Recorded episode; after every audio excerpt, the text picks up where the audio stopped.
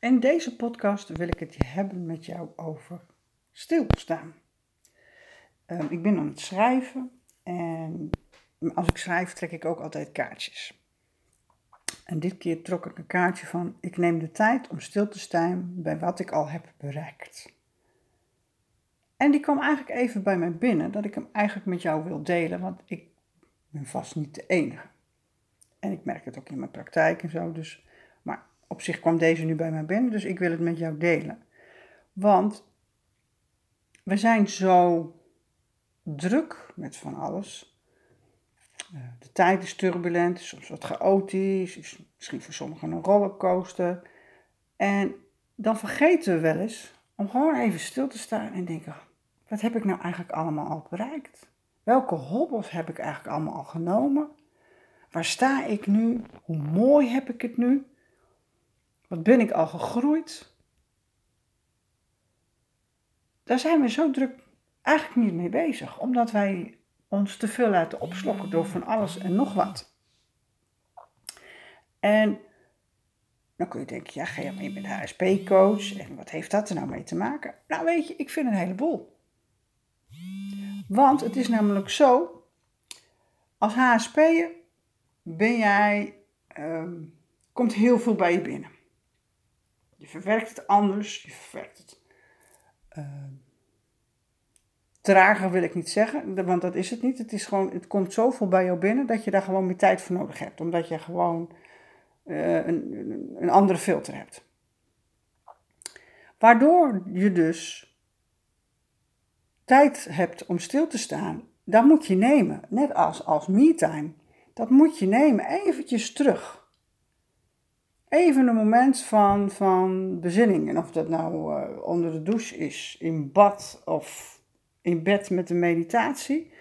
Het kan op zoveel momenten zijn dat jij uh, dat doet, maar doordat jij dan zo druk bent in je hoofd.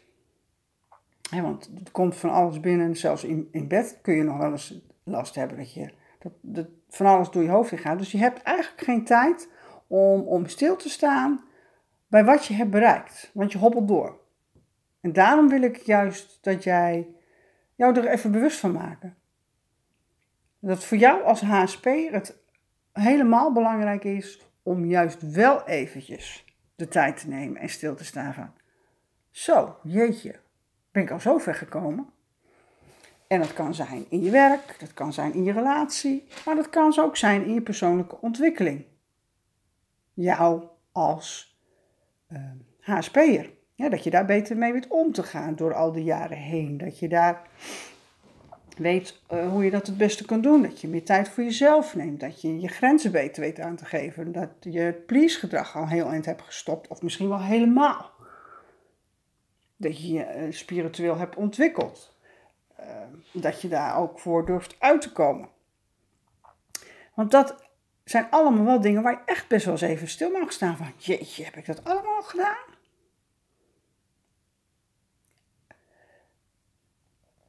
En, en, uh, en daar mag je op zich ook trots op zijn. Want ik heb, ik, allemaal, ik heb al heel wat hobbels overwonnen.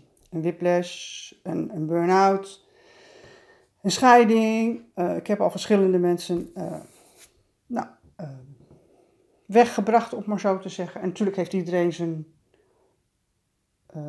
zijn ding, hè? Dat bedoel ik hier niet mee te zeggen. Het is ook niet een slachtofferverhaal, maar weet je, iedereen heeft zo wel zijn ding.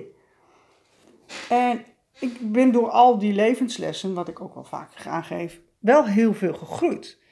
En het laatste twee jaar is vooral het spirituele heel veel gegroeid. Waar ik eerst altijd naar de kerk ging, uh, bracht mij dat niet meer wat ik, wat ik zocht daar zo ik had er gewoon geen klik meer mee. Dus ik ben, ja, dan blijf je thuis, dan ga je niet meer naar de kerk en dan ga je gewoon zelf dingen ontdekken. En dan kwam ik er gewoon achter dat ik gewoon ja, veel meer heb met de engelen, uh, met kaarten leggen, uh, gewoon de natuur, hè, hoe een vogel mij toch weer een, een, spiegel kan voorgeven, uh, het numerologie. Allemaal dingen die ik in die afgelopen, jaar, afgelopen twee jaar ben gaan ontdekken en dieper gaan ontdekken. Waardoor je dus ook anders uh, tegen dingen aan gaat kijken. En waardoor je dus eigenlijk spiritueel meer gaat Maar je gaat ontdekken, je gaat leven. En sommigen vinden een spiritueel geitenwolle sokken verhaal. Uh, ik niet, want ik noem het zelf hier vaak bewuste leven. Want dat is wat er eigenlijk bij mij gebeurd is. En als ik dat dus inderdaad, hè, zoals de, kaart ook aangaat, neemt tijd om stil te staan wat je al hebt bereikt. Nou weet je, daar heb ik, dat heb ik ook al bereikt. Ik heb een mooie praktijk. Heb ik ook al bereikt.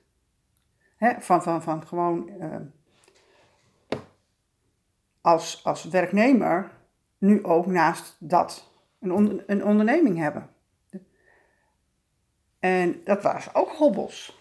Ik, eerlijk gezegd, ik durfde in het begin geen podcast te maken. Ik durfde niet live te gaan of dat soort dingen. Ik vond het doodeng. In die twee jaar heb ik het allemaal overwonnen. Dus zo zijn er dus heel veel dingen waar jij ook naar kunt kijken. Waar jij denkt, oh, jongens, dat heb ik overwonnen. Daar ben ik sterker in geworden. Wees daar eens van bewust en schrijf ze eens op. Uh, want schrijven is echt wel een. Ja, ik, ik, nou ja, ik hamer erop. Nee, ik heb het er vaak over, omdat het je bewust maakt. Ik merk het zelf. Bijna dagelijks schrijf ik wel. Is het niet s morgens, dan is het wel s avonds. En het maakt je bewust, want soms denk ik wel aan dingen. En als ik het dan niet opschrijf, net of het dan niet bij je binnenkomt. Je denkt eraan en het vloept er weg. Het is net zo'n wolk, het komt voorbij, oké, je denkt eraan, weg weer. Maar als, het, als ik het schrijf, dan gaat het echt door je heen. Je gaat door je handen heen, je schrijft het op papier, je kunt het weer teruglezen. En het gaat een, een ja, niet een leiden klinkt zo raar, dat is niet het juiste bewoording. Maar je wordt je bewust van. Vooral als je het terugleest. Dan word je je er heel erg bewust van. En dan kan het wel in jezelf inderdaad, omdat je het bewust wordt hè, in je hoofd, kan het zich dieper in jezelf verankeren, waardoor je dus nog steeds verder in een veranderingsproces kan gaan zitten, een transformatieproces. En dat is waarom schrijven zo goed is, want je wordt je gewoon in één keer bewust. Het moet door je lijf heen, door je handen op papier. Dus vandaar mijn schrijven op papier. Of je mag het typen als je dat prettig vindt. Ik vind het fijner om te schrijven. Ja, dat is natuurlijk maar net wat iedereen zelf wil. Maar neem dus wel je tijd in deze, deze tijd om te kijken wat je allemaal al wel niet gedaan hebt. Voor fantastische dingen. En wees trots op jezelf. Neem er desnoods een borrel op. Maar wees je dus bewust van. Ga er eens even voor zitten. En om, om zo uh, het goed bij jezelf te laten landen. Nou, dit wou ik je voor vandaag meegeven. Ik zou zeggen tot een volgende podcast. Heel veel plezier met het luisteren van deze podcast. En ik zie je graag en hoor je graag een volgende keer weer. Dankjewel.